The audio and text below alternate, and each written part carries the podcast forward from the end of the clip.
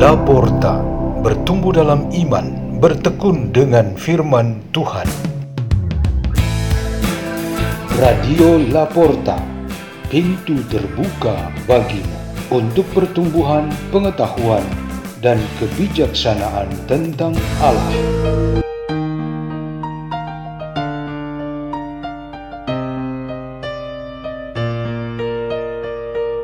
Bacaan dan Renungan Sabda Tuhan Hari Jumat Pekan Biasa kelima 11 Februari 2022 Dibawakan oleh Maria Tania Mosa dan Apolonia Lema dari Gereja Kapela Santo Markus Fatuka Paroki Santo Simon Petrus Tarus Keuskupan Agung Kupang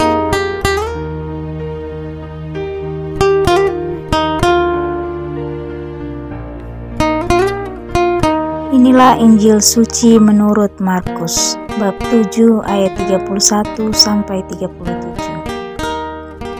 Pada waktu itu Yesus meninggalkan daerah Tirus dan lewat Sidon pergi ke danau Galilea di tengah-tengah daerah Dekapolis. Di situ orang membawa kepadanya seorang tuli dan gagap dan memohon supaya Yesus meletakkan tangannya atas orang itu. Maka Yesus memisahkan dia dari orang banyak, sehingga mereka sendirian. Kemudian ia memasukkan jarinya ke telinga orang itu, lalu meludah dan meraba lidah orang itu. Kemudian, sambil menengadah ke langit, Yesus menarik nafas dan berkata kepadanya, "Efata," artinya terbukalah maka terbukalah telinga orang itu, dan seketika itu terlepas pulalah pengikat lidahnya, lalu ia berkata-kata dengan baik. Yesus berpesan kepada orang-orang yang ada di situ, supaya jangan menceritakannya kepada siapa pun juga. Tetapi, makin dilarangnya mereka, makin luas mereka memberitakannya. Mereka takjub dan tercengang dan berkata, ia menjadikan segala-galanya baik. Yang tuli dijadikannya mendengar, yang bisu dijadikannya berbicara. Demikianlah sabda Tuhan.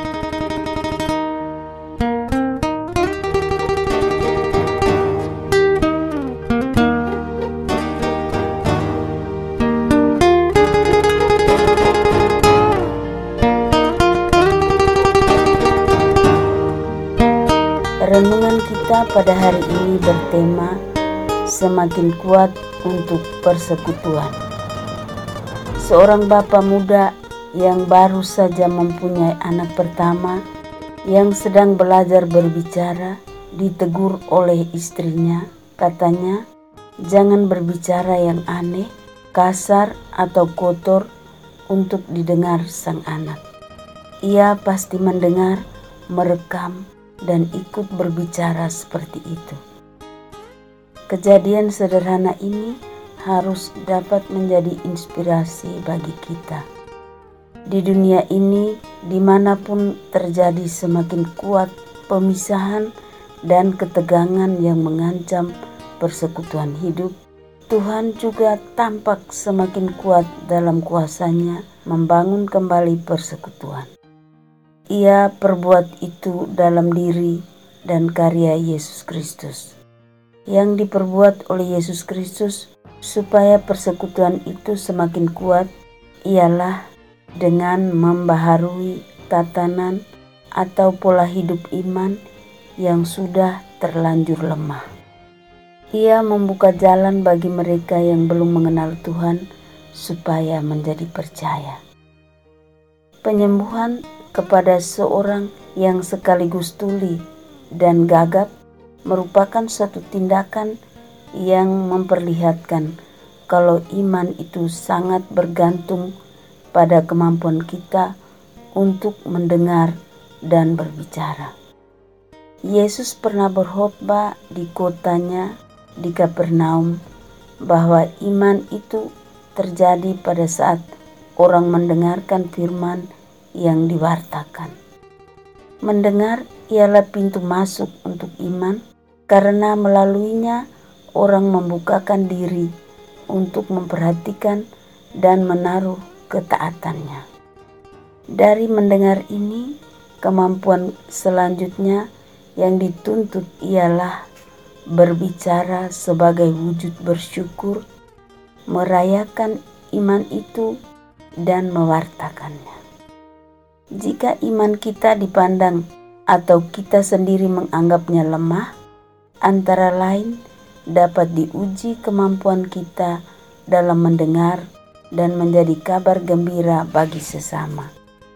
Kalau tanda-tandanya ialah kita malas bahkan tidak pernah mendengar dengan baik, ditambah dengan berbicara dalam kebenaran firman Allah itu, berarti iman kita sedang dalam krisis yang serius. Yang lebih parah ialah bersikap benci dan menolak untuk mendengar dan berbicara tentang Tuhan. Jadi Yesus bertindak serius dengan memisahkan kita dari orang banyak lalu mencungkil halangan yang menghambat kita mendengar dan berbicara tentang iman kita.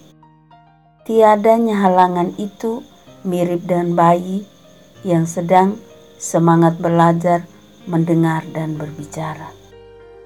Tuhan tetap membuka jalan dan segala kemungkinan bagi mereka yang ingin mengetahui dan mengimaninya. Pekerjaan ini dilakukan melalui gereja, khususnya melalui kita yang sudah beriman. Caranya ialah memakai dua kemampuan yang ada, mendengar dan berbicara. Kiranya kita mengusahakan supaya orang-orang dapat mendengar Tuhan yang berbicara secara pribadi kepada mereka dan dapat berbicara tentang Tuhan di dalam hidupnya yang nyata. Ini adalah cara-cara untuk memperkuat persekutuan yang di antara kita. Marilah kita berdoa dalam nama Bapa dan Putra dan Roh Kudus. Amin. Ya Allah, semoga kami selalu menjadi saluran yang benar dan berguna bagi saudara-saudari kami yang ingin mengenal Dikau dengan lebih dekat dan jelas. Kemuliaan kepada Bapa, Putra, dan Roh Kudus, seperti pada permulaan, sekarang, selalu, sepanjang segala abad. Amin. Dalam nama Bapa dan Putra dan Roh Kudus. Amin. Radio Laporta, pintu terbuka bagimu.